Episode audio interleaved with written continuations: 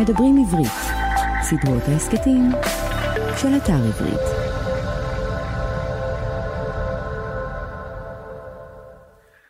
שלום לכולכם, שלום לכולכן. אנחנו הכיפות והשועל, מדף של ספרים ורעיונות לסקרנים ולסקרניות. שמי שמואל רוזנר, והיום נדבר עם אניטה שפירא, פרופסור אניטה שפירא. היא בחרה עבורנו שלושה ספרים שעליהם נדבר, עליהם ועל דברים שנובעים מהם.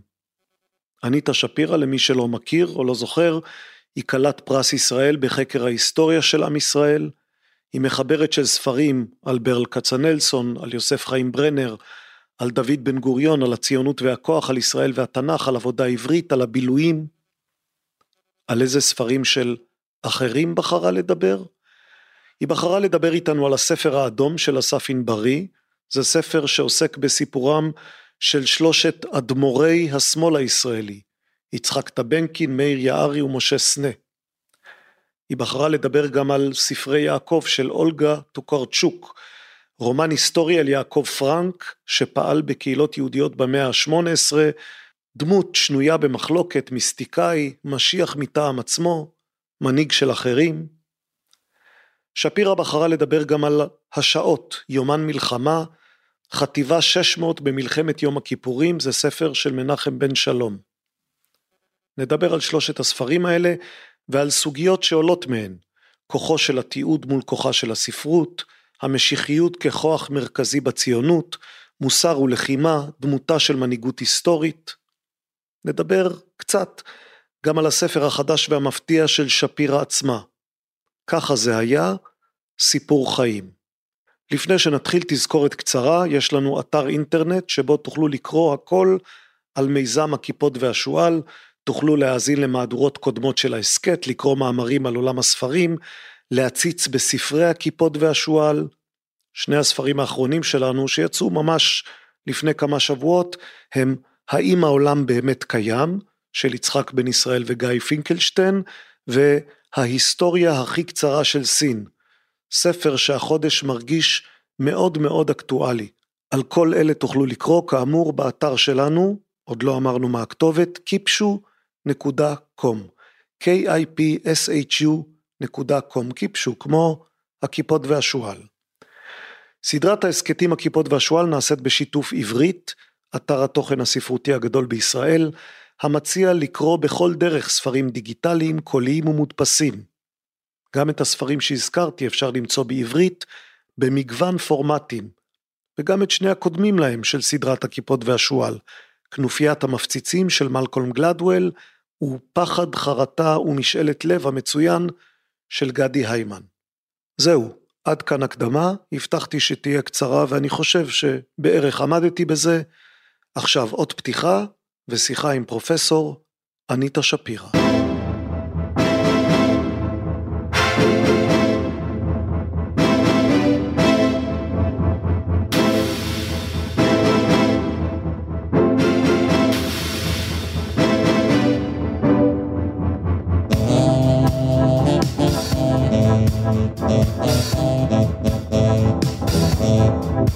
אניטה שפירא, שלום. שלום וברכה. אני מחזיק ביד את הספר הקצר שהוצאת לא מזמן, ככה זה היה סיפור חיים. אה, הוא דק גזרה, אבל מצאתי בו הרבה דברים מעניינים. ולמרות שאנחנו נדבר היום על שלושה ספרים שבחרת עבורנו ולא על הספר שלך, אני רוצה להתחיל בציטוט מהספר שלך. וכך כתבת: עמים זוכרים את מה שהם רוצים לזכור. מה זוכרים הפולנים על יחסם ליהודים בימי מלחמת העולם השנייה? מה זוכרים הצרפתים על אותם זמנים לא נעימים? כמה צרפתים הצטרפו למחתרת וכמה צרפתים שיתפו פעולה עם הכובש הנאצי? עמים זוכרים את הקטעים ההירואיים, את הגבורה והאומץ המוסרי של היחידים ושוכחים את העובדות שאינן מחמיאות לאומה. אני אעצור כאן. אמ, אחד הספרים שבחרת הראשון שנדבר עליו הוא הספר האדום של אסף ענברי. עכשיו זה ספר שמדבר, יש לו בעצם שלושה גיבורים, יצחק טבנקין, מאיר יערי, משה סנה, והוא ספר שהשאלה הראשונה ש, שחשבתי עליה בהקשר שלך הוא, הרי, הרי זו סיפורת שמספרת היסטוריה. את היסטוריונית שמספרת היסטוריה. מי מנצח, הסיפורת או התיעוד? ללא ספק הסיפורת מנצחת. ובראש ובראשונה היא מנצחת בגלל שיש לה מרחב פעולה שאין לה תיעוד.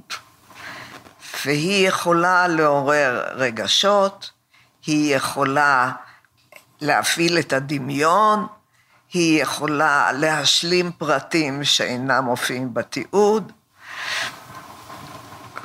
והמרחק הזה בין תיעוד וסיפורת הוא מרחק מאוד רגיש דווקא בספר הזה שאני מאוד אוהבת. אסף ענברי לטעמי הוא הסופר המתעד הבולט ביותר היום של החברה הקיבוצית.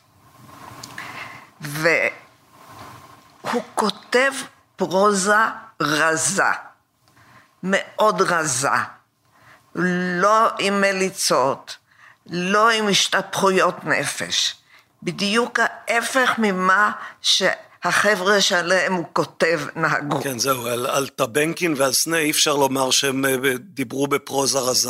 ודאי שלא, ודאי שלא. גם יערי לא. גם יערי. ודאי שלא. עכשיו, הוא בעצם עושה השלכה מאוחרת של השורשים החסידיים של השלושה. הוא בעצם מראה כיצד תנועת העבודה, שלכאורה הייתה חילונית לחלוטין, וזרקה לים את הטלית והתפילין, בעצם הייתה משוקעת גם באגדות וגם בדרכי המחשבה של השורשים הדתיים שלה. וכל אחד משלושת גיבוריו הוא בעצם נצר למשפחת אדמו"רים, וזה ניכר מאוד בכתיבה שלו. ולכאורה מה ליערי החילוני ולטבנקין החילוני ואפילו למשה סנה, אה, לאבות הדתיים שלהם. אבל אם אתה בודק אפילו את הסגנון, את היחס בין המאמינים לאדמו"ר, אתה מוצא את ההמשך של השושלת. וזה נורא מעניין, כי זה גם מגלה שהציבור התגעגע לסוג כזה של מנהיגות. הרי אף אחד מאלה, בסופו של דבר, אפילו לא סנה, שהוא היה קצת אחר, לא היה מסוגל להיות פרלמנטר. לא היה מסוגל לעמוד בכנסת ולשאת נאום. כי אצלם זה היו דרשות, לא נאומים. ולכן כשאני קוראת היום את הבנקין, אני לא מבינה מה הוא רצה להגיד. אבל זה לגמרי... את משוכנעת שהוא הבין בזמנו מה הוא רוצה להגיד? אני חושבת שכן. אני גם חושבת שהמאמינים חשבו שהם מבינים. כלומר החסידים, כן, הקיבוצניקים, שבעצם בקריאה לאחור את מסתכלת עליהם כעל חסידים, הם הבינו את הרבי שלהם. נכון, נכון. והעניין הזה משובב נפש בספר שלו. עכשיו, יש כאלה שלא מבינים שבעצם זה דו-שיח בין אדמו"רים וקהל המאמינים שלהם. וחושבים שהוא משמיץ את הגיבורים שלו. שמעתי מיותר מאדם אחד שהספר כתוב בציניות, מתוך כוונה לזלזל ולהוריד את הדמויות האלה. זה לא נכון. זה כתוב בצורה סאטירית, בצורה אירונית, אז זה לא כתוב באיבה, וזה בוודאי לא מתכוון להנמיך אותם. לעשות אותם בדמות בני אדם, כן, בהחלט, הם לא היו בני אלים. אבל בהחלט לא להשמיץ אותם. וזאת הטעות של אנשים שלא מבינים את מה שהוא אומר. אתמול מישהו אמר לי, כשאתה קורא את הסיפורים של יערי עם האוטו ועם החופשה בשוויץ, אתה אומר, נתניהו לא היה ראשון. חשבתי, אני אתן לאיש הזה עוד רגע סטירה. מה? על מה אנחנו מדברים? אני לא יודעת כמה הסיפורים על יערי נכונים, אבל אפילו הוא חי כל ימיו בחדר עלוב, באמת. אז, אז לא צריך להגזים, לא צריך לקחת יותר מדי ברצינות את האנקדוטות והסיפורים, שחלקם הם בהחלט נכונים, אני מכירה אותם, אבל מצד שני, אה, להשוות בין האדמו"ר של אז לדמות המקיאוולית שיש לנו כיום, זה לא אותו דבר. שהוא, שהוא לא, לא בעינייך גם סוג של אדמו"ר? כלומר, לא. את לא רואה גם בהנהגה הישראלית היום את האדמו"רות הזאת? לא, לא. מה ההבדל? אין להם את השורשים הדתיים. אין להם את גרסת בית אבא שמפעימה אותם וגם נותנת השראה לתלמידים שלהם. זה פוליטיקאים קרי מזג שאפשר אפילו לומר שלמדו בבית ספר אמריקאי איך עושים את זה. אני קוראת עכשיו ספר על אה, הנריאטה סוד, לא זה שהופיע, ספר אחר. ואני לומדת את ההבדל באופי. האמריקאים יעילים, מסודרים. איפה הם והבלגניסטים שלנו? הבלגניסטים האלה ש... בבלגן שלהם יצרו את האידיאליזם וכן הלאה וכן הלאה. המחשבות המסודרות, הלוקחות בחשבון את ההוצאות מול ההכנסות, לא התאימו לחבר'ה האלה, כי הם באו מרקע אדמו"רי. כש, כשאת מדברת על רקע אדמו"רי ועל האלמנטים החסידיים האלה, אז אני נזכר נניח בטענה מפורסמת של גרשום שולם שאמר בזמנו שהעברית תשתלט על, העברית תשתלט על הציונות ועל הישראליות, אם נדמה לנו שאנחנו יכולים לברוח מהמסורת היהודית, אנחנו לא נוכל כי זרמי המעמקים של העברית השתלטו עלינו, אז זה אותו דבר? אה, הם ניסו לברוח, אבל החסידות חזקה מהם? השאלה היא, האם הזרמים המשיחיים היום, יש להם איזשהו קשר למה שהיה אז. יכול להיות, לא אומרת שלא. אבל מאז גם נוצר הנתק, דורות על דורות שהתרחקו. ואז נוצר הקשר מסוכן נורא שקיים היום בין משיחיות דתית ללאומיות. וזה דבר שלא היה אז. אבל אצל טבנקין ויערי, כמו, כמו שאת קוראת אותם אצל אסף ענברי, שם, שם זאת החסידות שעדיין לא מנותקת מהשורשים שלה. נכון, אבל זאת חסידות שלא יוצרת את השילוב הדרמטי הזה שקיים היום בין דת ללאומיות עד כדי קיצוניות. משיחיות ולאומיות, סליחה. אצלם היו רסיסים. רסיסים שהתחברו לעשייה ולאידיאליזם. כשהם לקחו את הקומוניזם לסוגיו, הם הלכו למשנת בית אבא, גאולת עולם. אבל היום זה דבר אחר לגמרי. אמ- אמרת לי שהספרות מנצחת את ההיסטוריה.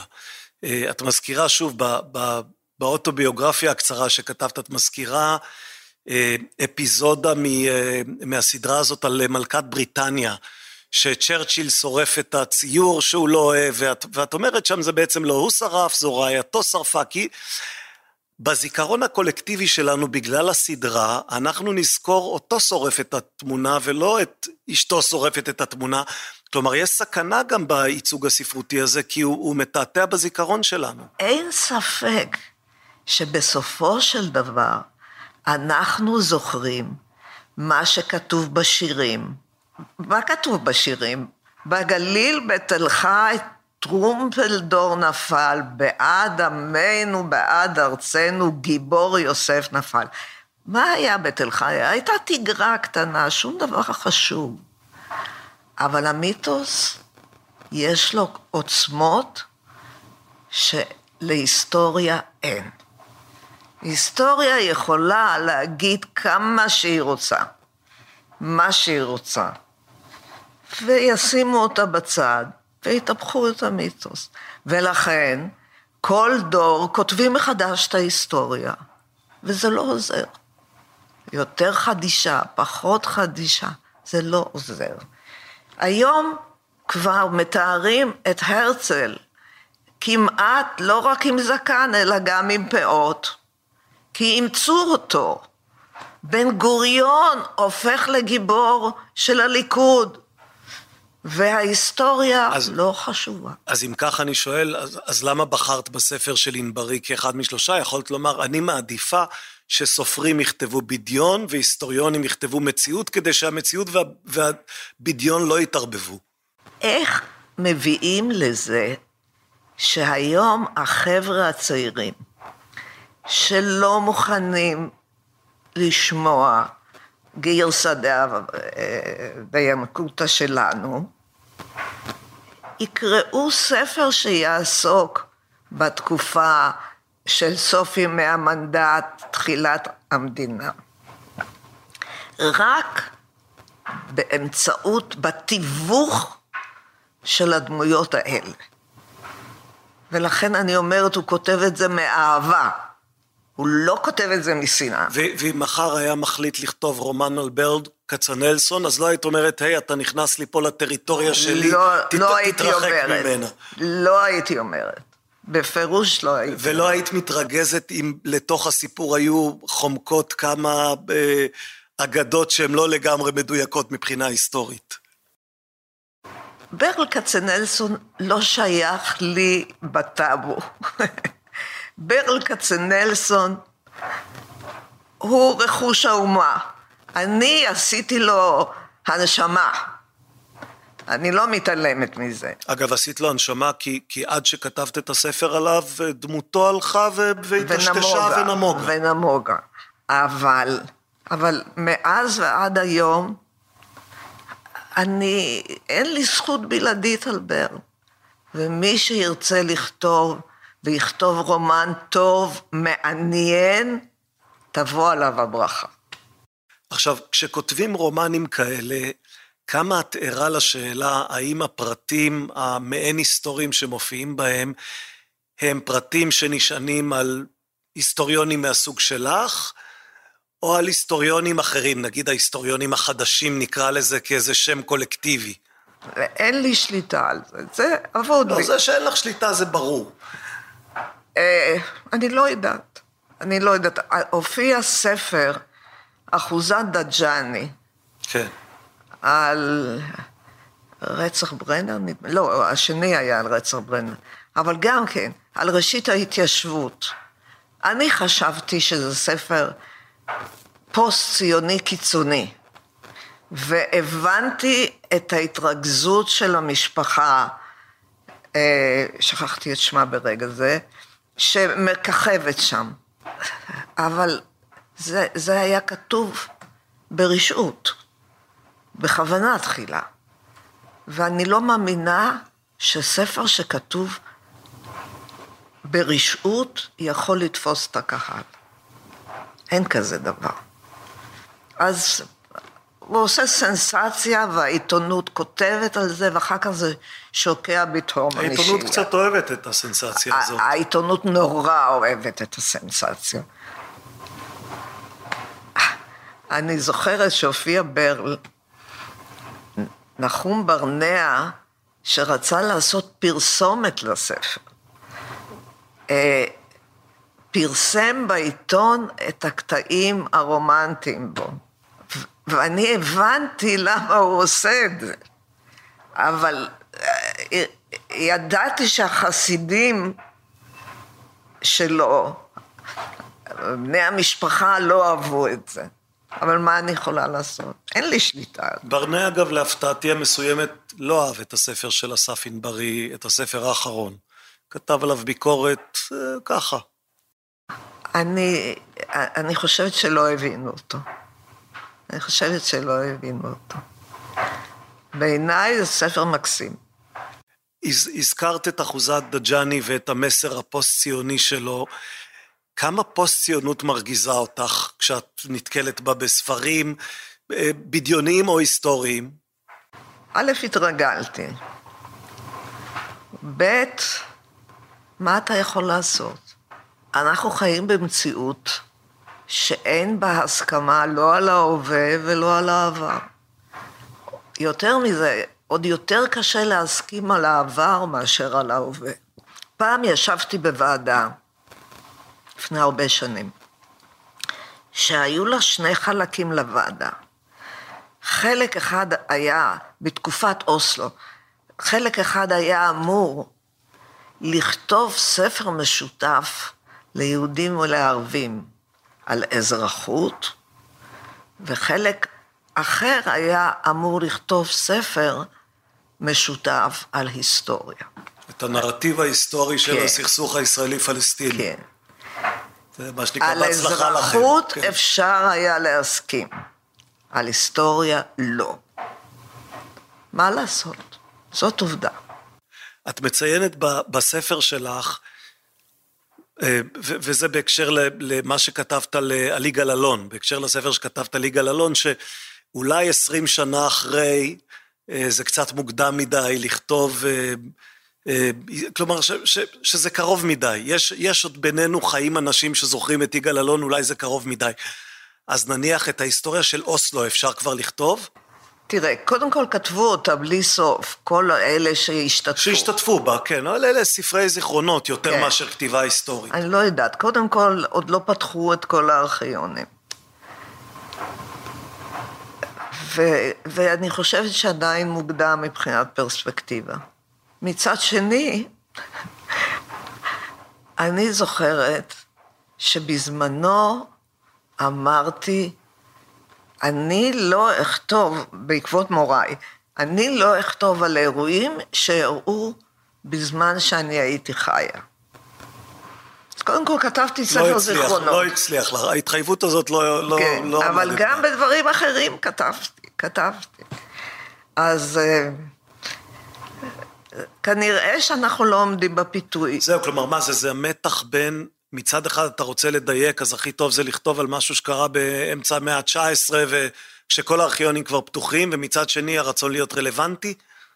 זה לא הבעיה של להיות רלוונטי, זה הבעיה מה מושך אותך. אני כתבתי ספר על שלושה ביל"ויים. למה כתבתי אותו? א', כי נמאס לי לעסוק במאה השנים האחרונות. ב', כי היו להם חומרים כל כך יפים.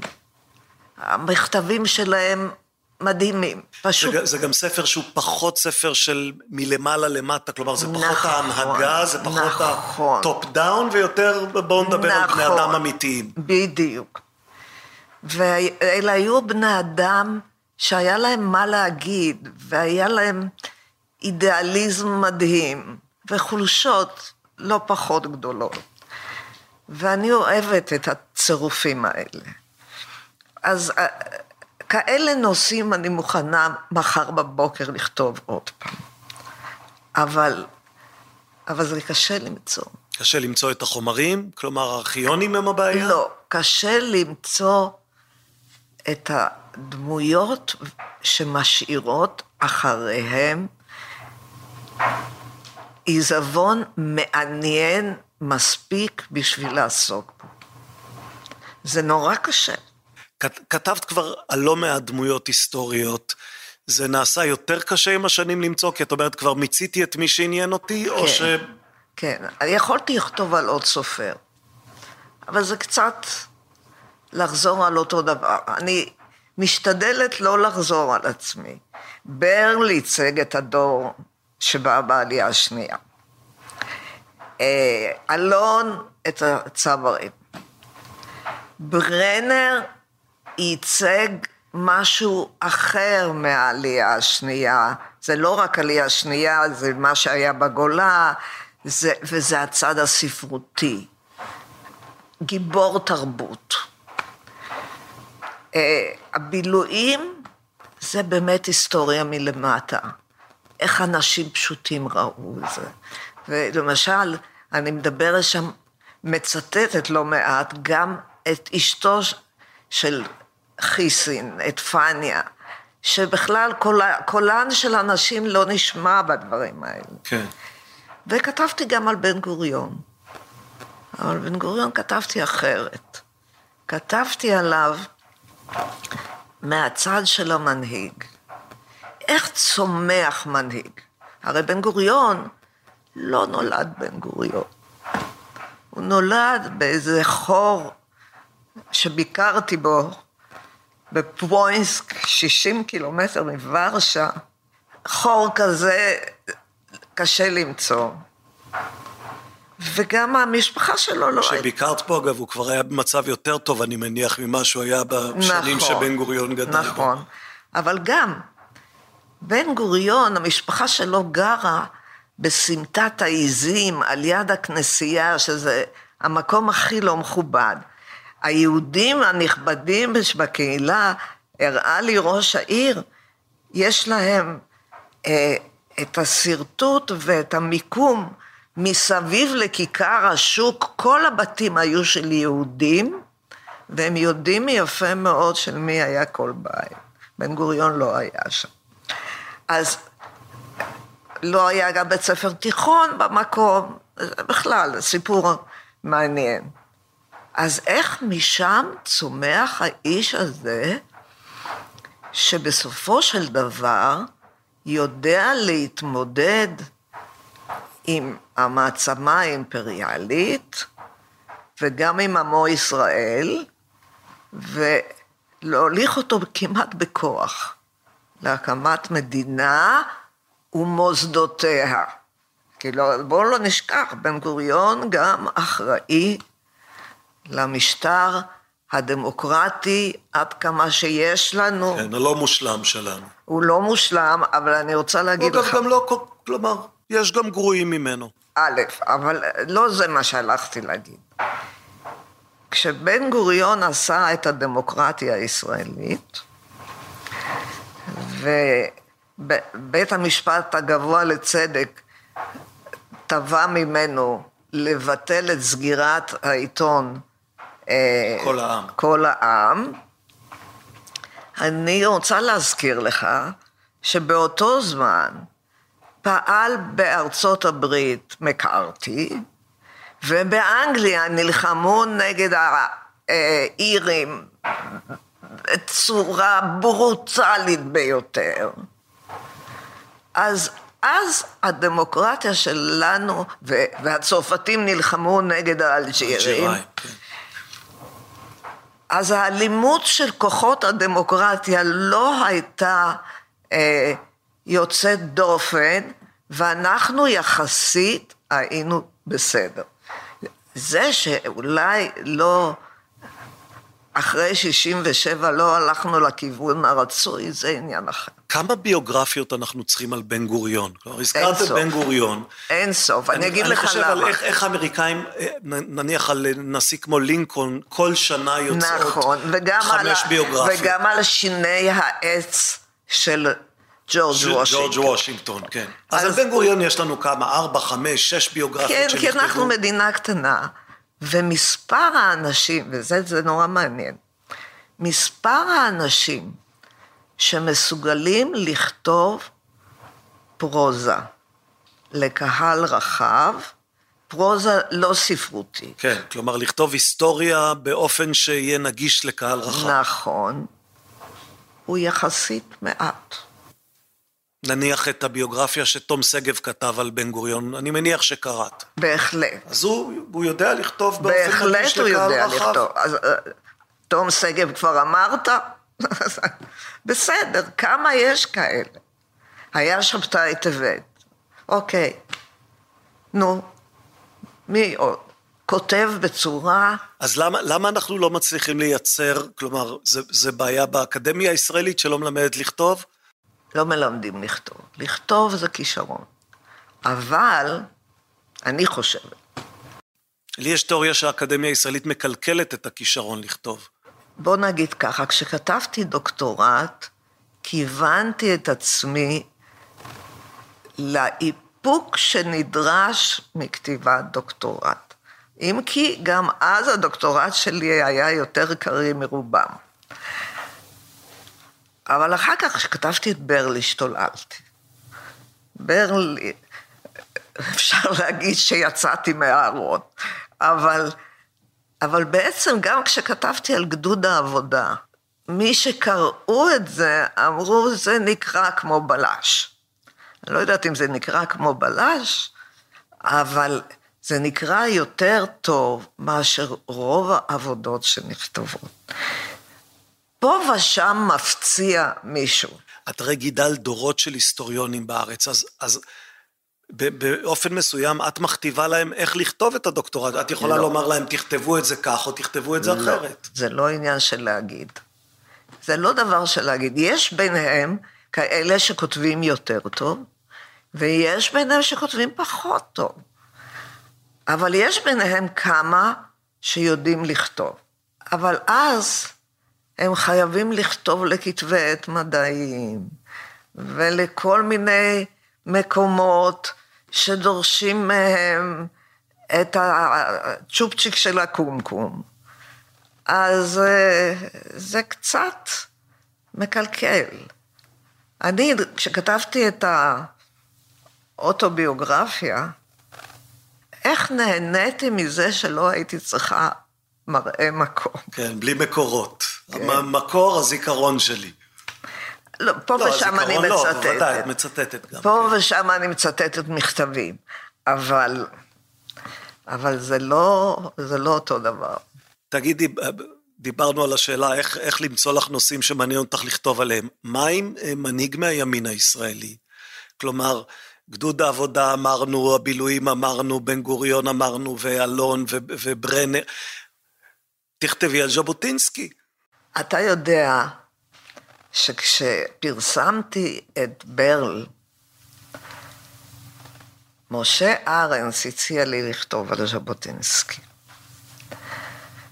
ואני לא יכולה להגיד שזה לא היה מעניין, אבל ז'בוטינסקי לכתוב בלי לדעת רוסית, היו כמה שעשו את זה, אבל אני לא יכולה לכתוב על ז'בוטינסקי בלי לקרוא רוסית, שזאת השפה הראשונה שלו. כן. אני כבר לא מדברת על זה שהוא ידע גם איטלקית ורוסית, זאת שפת הבסיס שלו. והידע שלי ברוסית, אני פעם למדתי רוסית, הוא לא מספיק טוב בשבילי. לא, אז בסדר, זה לא חייב להיות דווקא ז'בוטינסקי, אז תכתבי על יאיר שטרן, או על יצחק שמיר. כלומר, יש, יש דמויות בימין שאפשר היה לכתוב עליהן ביוגרפיה מעניינת. יכול להיות, יכול להיות. יכול להיות, אבל יש לי איזה... ז, זאת הש... הרי השאלה שלי היא לא אם תעשי את זה, אלא השאלה שלי האם יש לך רתיעה מלעשות את זה. לא יודעת אם לקרוא לזה רתיעה. אני אגיד את זה הפוך, אני אגיד את זה, אין לי משיכה, אבל הייתי מוכנה לכתוב על אורי צבי גרינברג. ונתקעתי, אחרי שהשקעתי די הרבה עבודה בנושא, בגלל שהבנתי שאין מספיק חומר תיעודי, ולגבי השירים שלו, בעיקר אלה לפני שהוא הגיע ארצה ביידיש, מפיסטו, וגם השירים לאחר קום המדינה, אני לא מבינה אותם. אני מבינה את השירים הארץ-ישראלים שלו, אני לא מבינה את, ה, את היתר. אז צריך שיכתוב מישהו שיכול להתמודד עם השירה.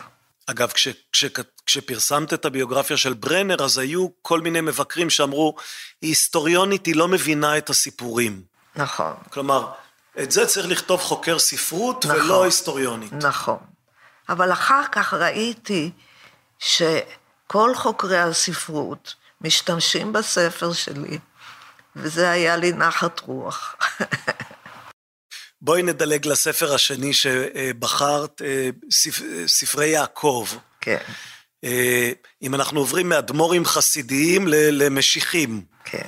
אה, זה, זה ספר שבעצם עוסק ב, בפרשה, גם זה רומן שעוסק בפרשה, בפרשה היסטורית שהיא פרשת יעקב פרנק. נכון. אז מה זה משיכה שלך באמת לאדמו"רים ולמשיחים?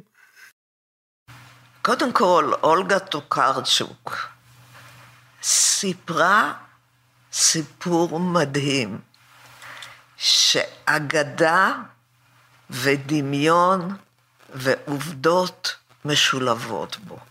והיא עשתה עבודה מדהימה. אני קראתי ביקורת על הספר ב-Journal of Jewish History, ואני חשבתי, מי שכתב אותה לא מבין את הספר. הוא לקח את הספר באזמל של ההיסטוריון, וניתח אותו כמו טקסט היסטורי. אבל כטקסט היסטורי זה לא שווה כלום. זה אגדה, אגדות שמשתלבות ונפרדות זו מזו. ואותי הלהיב נורא זה שפתאום הגבולות באירופה נופלים. הבלקן נוגע באימפריה העות'מאנית ונוגע גם באימפריה האבסבורגית וגם בפולין. ו- וכל האזורים האלה זה יחידה אחת גדולה. שבה נודדים יהודים ולא יהודים, ומדברים שפות שונות, ונפגשות תרבויות שונות, ויש השפעות מכל מיני כיוונים. ואני חשבתי שהתרכובת הזו שהיא עושה, שבעצם היא אומרת, שהבלגן הזה שנוצר, וזה מה שאני מבינה מהספר, כן. שהבלגן הזה שנוצר, של שבירת מסגרות, כתוצאה מהרעש שהכניס יעקב פרנק וגם השבתאים למערכת, צבי, כן. למערכת, הרס את המסגרות הקיימות, או ערער יותר נכון את המסגרות הקיימות, ואפשר לחדירת רוח חדשה, והשכלה שלא הייתה לפני כן, וזה לא מקרה שסוף הספר נוגע כבר במהפכה הצרפתית, כי זה מה שקרה בסוף. אנחנו תמיד, יש לנו נטייה לא להבין את ההתפתחויות ההיסטוריות היהודיות בתוך ההקשר הרחב ההיסטורי. כן, אנחנו מסתכלים על העם היהודי כאילו הוא חי בבועה. בדיוק, כאילו כן. הוא חי על הירח. אבל הוא לא חי על הירח. הוא סופג השפעות מכל הכיוונים. והתיאור שלה מראה את הזרימה הבלתי פוסקת של תרבות ומסחר ופעולות צבאיות ואמונות בין הגבולות, בין האימפריה העות'מאנית ועד לגבולות הריינוס. וזה מדהים בעיניי. זה כל כך יפה. זה מסובך לקרוא את זה. אני בהחלט מודה ומתוודה, זה עבודה קשה לקרוא את זה. ספר מאתגר, כן. מה? מאתגר, כן. ספר מאתגר. דמויות באות ונעלמות, ואתה לא כל כך זוכר מה הם עשו, לאן הם הלכו, אבל זה לא משנה. בסופו של דבר, התרכובת הזאת, התנועה המתמדת, יוצרת עולם חדש, עולם יהודי חדש. את, את אומרת שקצה הספר, זנב הספר נוגע כבר במהפכה הצרפתית, בעצם המהפכה הצרפתית זנבה כבר נוגע בראשית התנועה הציונית. כמעט. כמעט. כן. אבל כלומר... זה מאפשר את החילוניות, זה מאפשר את הפתיחות לעולם הלא יהודי. החברה היהודית נפתחת. לכאורה יש שבר, כי יש המרת דת, אבל זה המרת דת של לא רבים כל כך. לעומת זאת, הספיגה של החשיפה הזאת לעולמות אחרים, הייתה רחבה הרבה יותר. תגידי, את, את רואה דמיון בין אה, דמות כמו דמותו של יעקב פרנק לדמות כמו זו של מאיר יערי? אה, או של, או של ברל? כלומר, הרצון הזה לפרוץ דרכים חדשות, הרצון, אה, וגם איזו נטייה בסיסית משיחית, כלומר, אנשים שהם לא תמיד רציונליים. תשמע, היה תמיד, כמו שאתה ציטטת בצדק את גרשון שולם, היה בציונות תמיד פוטנציאל משיחי, מסוכן, שהוא, שולם, היה מאוד מודע לו, וגם האבות המייסדים היו מודעים להם.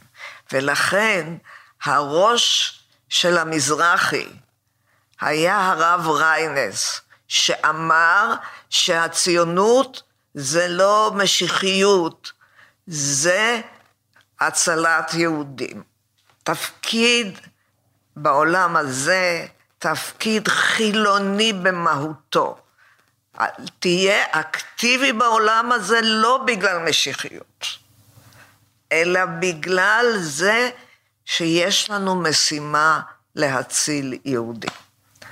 וזה משהו שהיום השתבש לנו. אבל גם בספר של ענברי הוא משובש, כלומר, מהספר של אסף ענברי, את, את לא רואה שם מנהיגים שכל מה שיש להם בראש זה משימה פרקטית של הצלת יהודים, גם הם מנסים לברוא עולם חדש. הם, הם רוצים עולם חדש, אבל עולם שבעצם נשען על יסודות לאו דווקא יהודיים מסורתיים. אבל כמו שאני אומרת, זה תמיד היה שם. זה תמיד היה על אש קטנה. לכן אי אפשר לטעון שהציונות נקייה מהמשיחיות. תמיד היה הניצוץ הזה. הסכנה של, אה, הסכנה, האתגר של, של פרנקיזם או של שבתאות, זה דבר שאת רואה אותו באיזה סוג של גלגול שחוזר אלינו מעת לעת? לא, משום שהיום המשיחיות היא מעורבת עם לאומיות בצורה כזאת, שזה יוצר סכנה לקיומו של עם ישראל. אבל, אבל זאת הסכנה שהייתה מההתחלה. זה לא פרנקיזם, זה לא שינוי בתוך החברה. זה שינוי קוונטי. ואני מאוד מודאגת. אני ממש מודאגת. לא, זה אני, את זה אני רואה.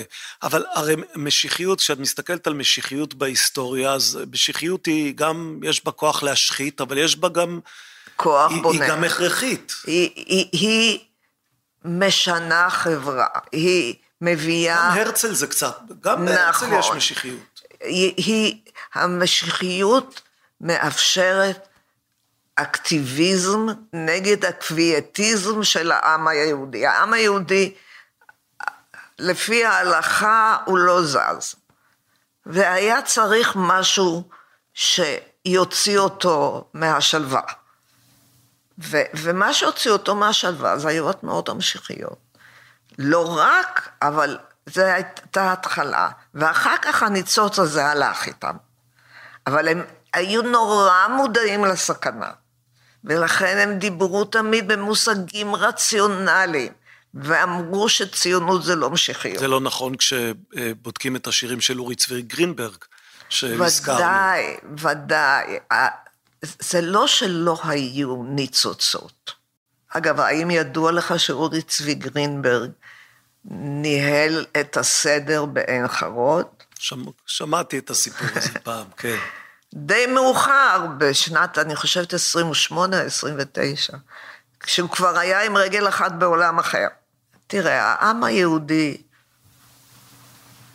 זה עם מאוד מעניין. חבל רק שכולנו, אה, העניין הזה עלול לגרום לנו לטבוע בים. מה, בואי, את, את חוזרת אל, ה, אל הטון המודאג הזה, אז בואי תנסי לחדד לי מה בדיוק הדבר שמדאיג אותך. תראה, מדאיג אותי שהמשיחיסטים הלאומנים של היום מפרשים את המקרא בצורה מילולית.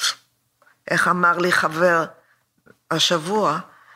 היום, אילו הם כתבו את המשנה, הם לא היו אומרים עין תחת עין ממון.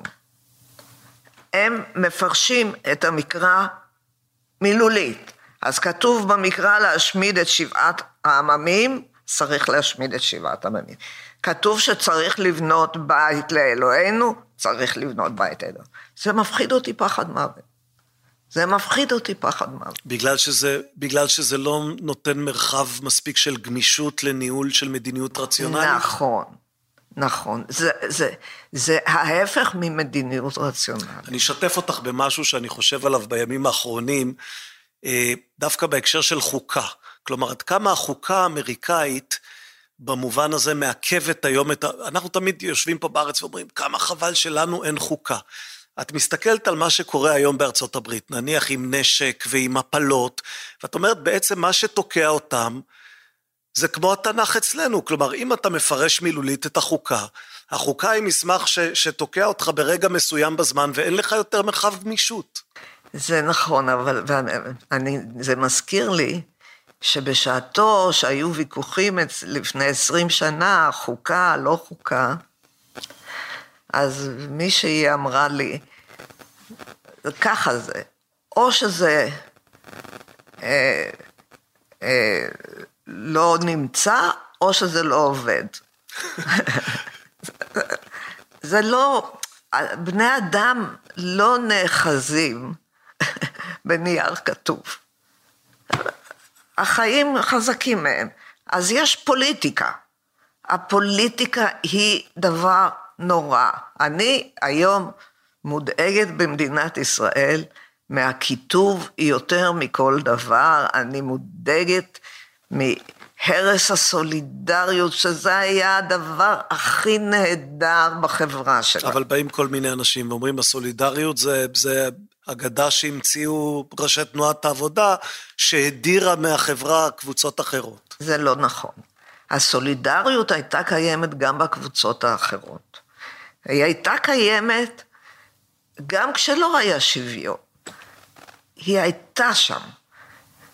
ואתה ראית את זה בהתגייסות לכל מיני משימות.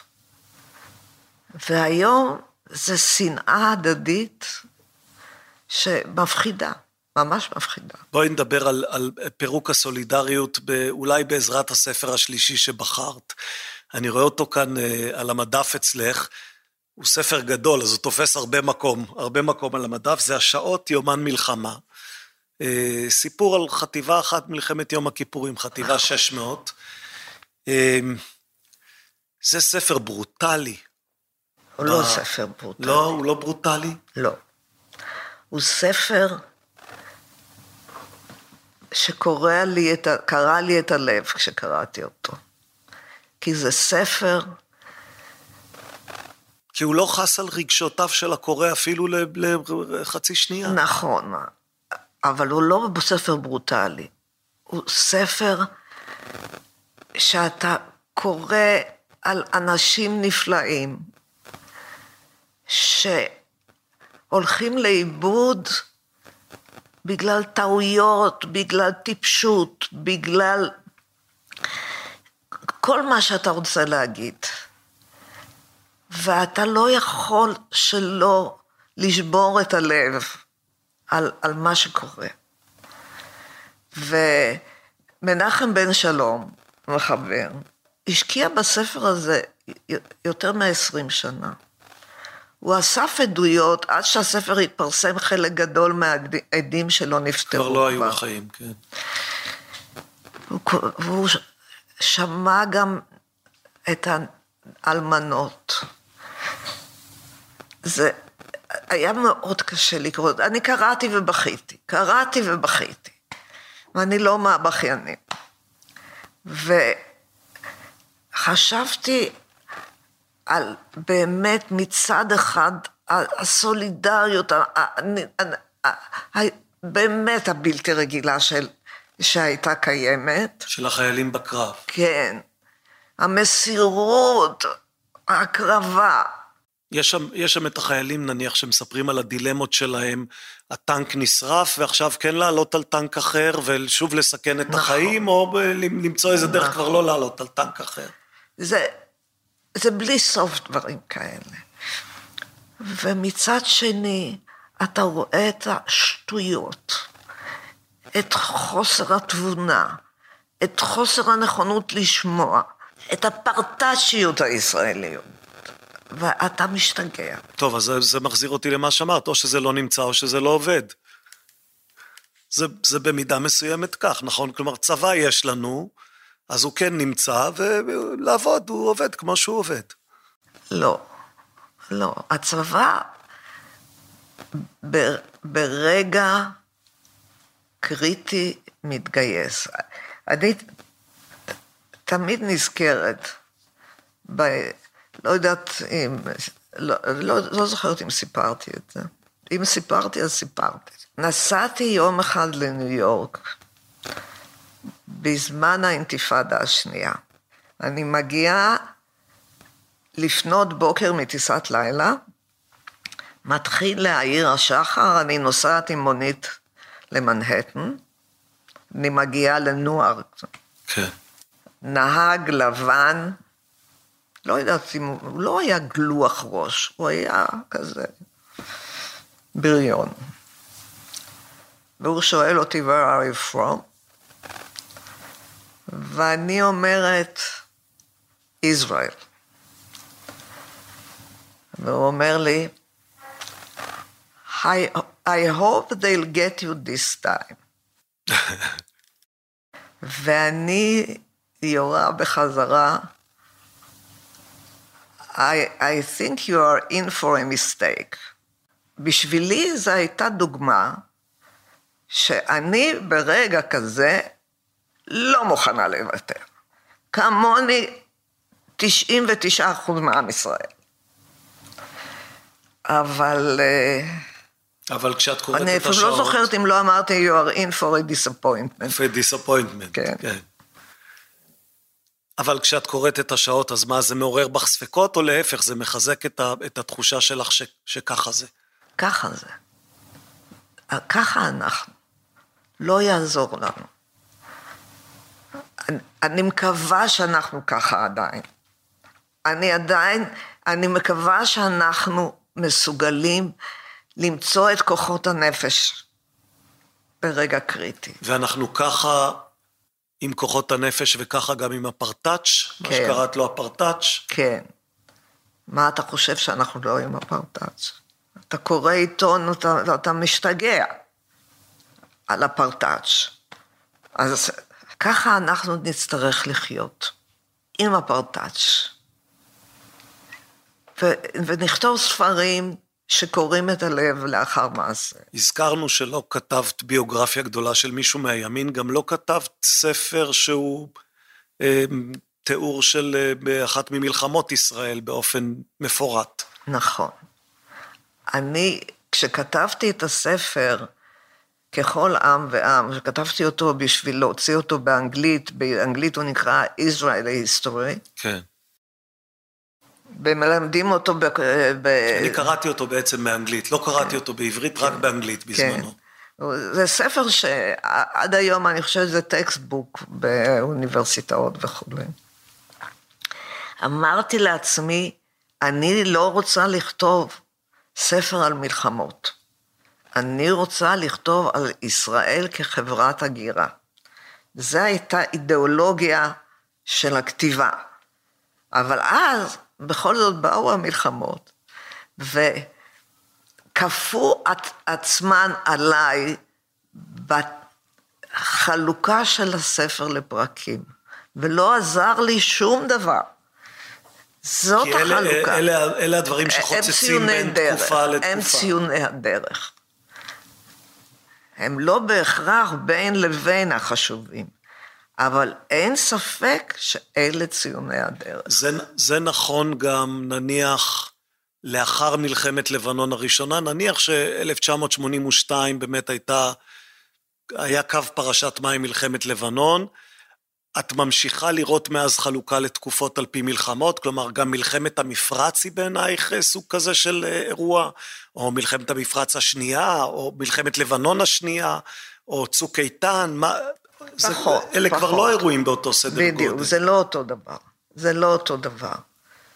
מלחמת לבנון הראשונה, לטעמי, שברה את, ה, את האחידות של החברה הישראלית.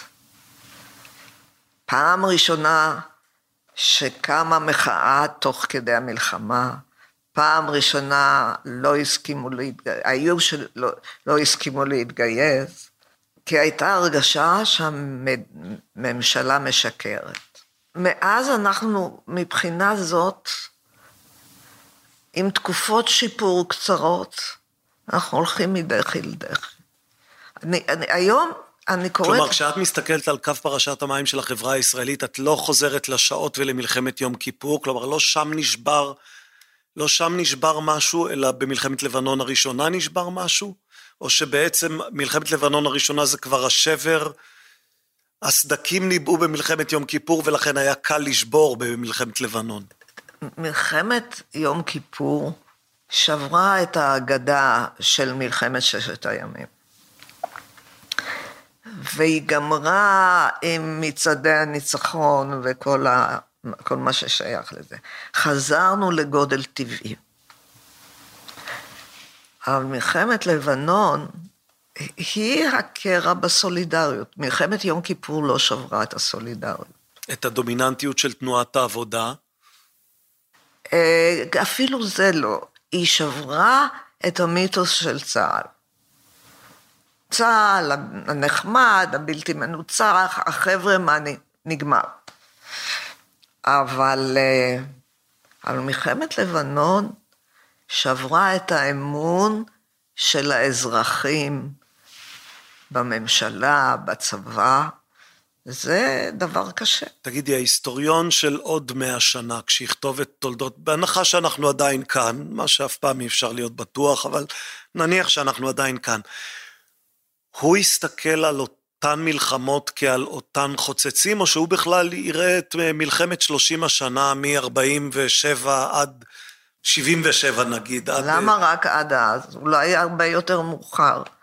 אולי ההיסטוריון יבוא ויקבע שהייתה תקופה אחת של הסכסוך הישראלי-ערבי, ומשם מתחילה תקופה אחרת. כלומר, זאת תהיה מלחמת 70 השנה. מאה השנה. או מאה השנה שלנו, ואחר כך תקופה אחרת. יכול להיות.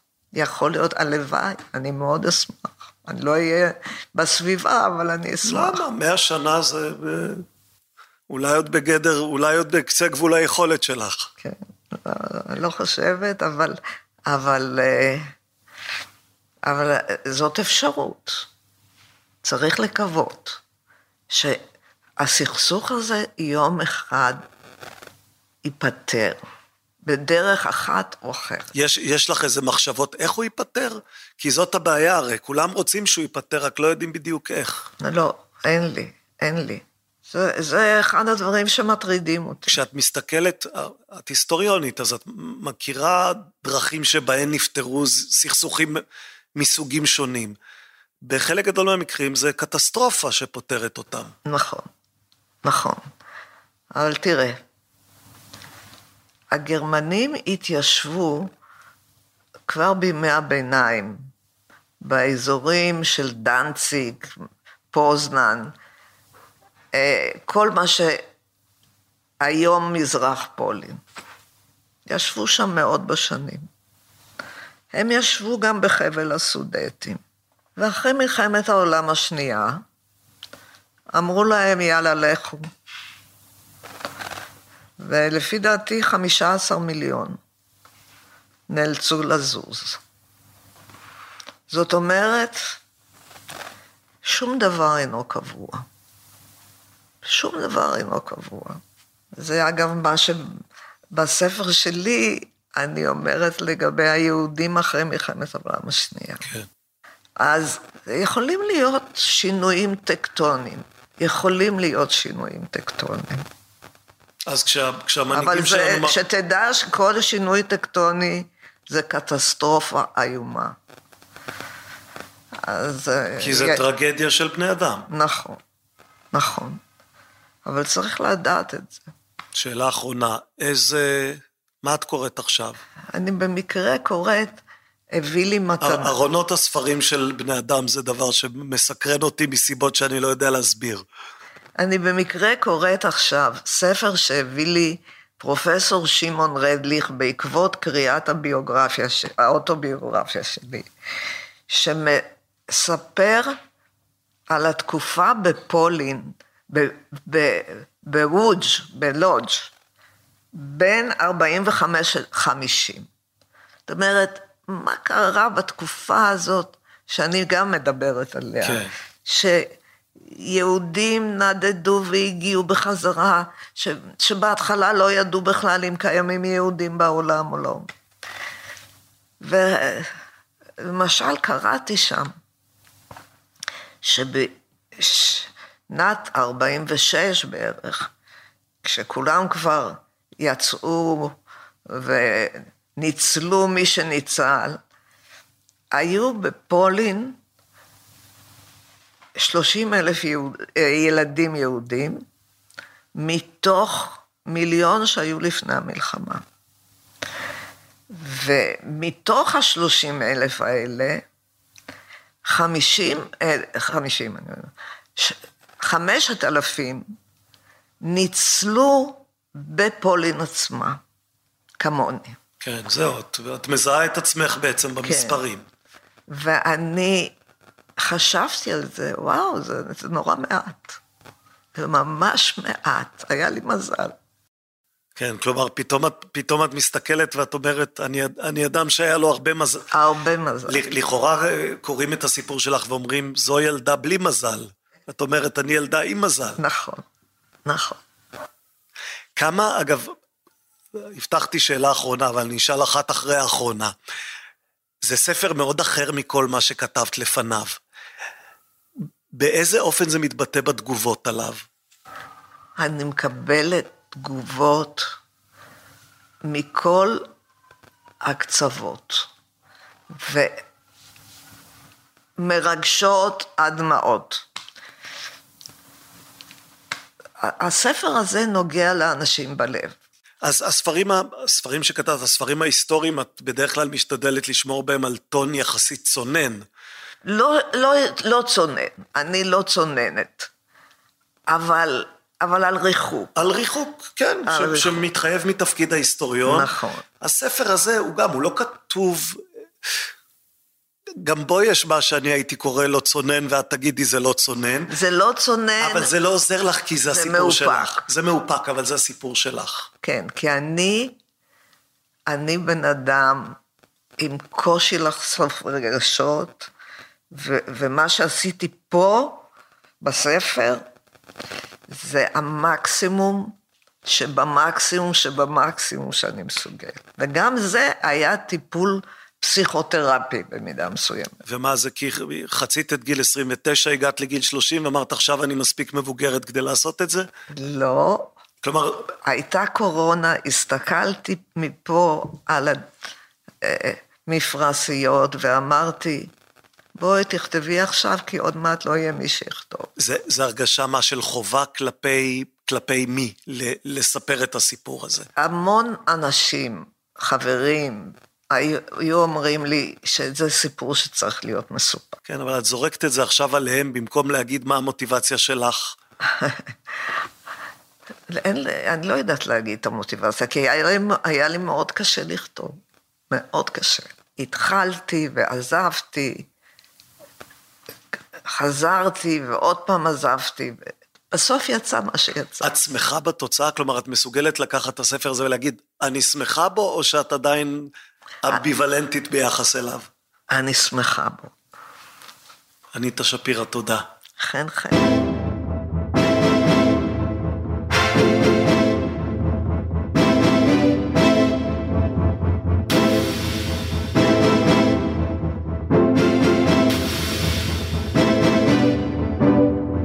הכיפות והשועל, מדף של ספרים ורעיונות לסקרנים ולסקרניות. אני שמואל רוזנר, חזרנו. חזרנו כדי לומר תודה, ואולי להזכיר עוד כמה דברים. תודה לאניטה שפירא, שהסכימה להתארח אצלנו. תודה גם לאורחים הקודמים שלנו, יצחק בן ישראל, נועה ידלין, מיכה גודמן, יובל נוח חררי, עמית סגל, ולא מנינו את כולם. את השיחות איתם תוכלו למצוא באתר שלנו, kipshu.com, k-i-p-s-h-u.com, שם תוכלו למצוא את כל ההסכתים הקודמים. אנחנו כאן כל שבועיים, פעם סולו ופעם עם אורחים. לפני שבועיים דיברנו כאן על החומר האפל ביקום. גם את השיחה הזאת תוכלו למצוא באתר שלנו. בעוד שבועיים נדבר כאן על הסדר העולמי, או אולי על האי סדר העולמי, ושבועיים אחר כך שוב יהיה אורח או אורחת, הפתעה. נזכיר לכם את הספרים החדשים שלנו, האם העולם באמת קיים, של יצחק בן ישראל וגיא פינקלשטיין, ספר שיש בו שילוב של פילוסופיה ושל פיזיקה. וגם ההיסטוריה הכי קצרה של סין, ספר על המדינה הכי חשובה שאתם מן הסתם לא יודעים עליה מספיק. נספר לכם שבאתר שלנו אפשר להציץ גם בספר שנוציא עוד מעט, בחודש ספטמבר, עשרה קיסרים, ספר על רומא של ימי הקיסרים. סדרת ההסכתים הכיפות והשועל נעשית בשיתוף עברית, אתר התוכן הספרותי הגדול בישראל, המציע לקרוא בכל דרך ספרים דיגיטליים, קוליים ומודפסים.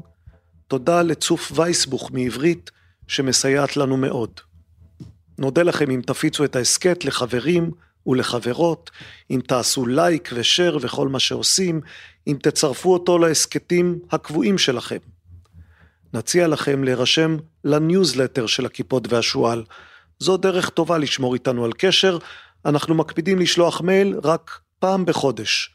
בואו לאתר שלנו, kipshu.com, k-i-p-s-h-u.com, ושם אפשר להירשם לניוזלטר.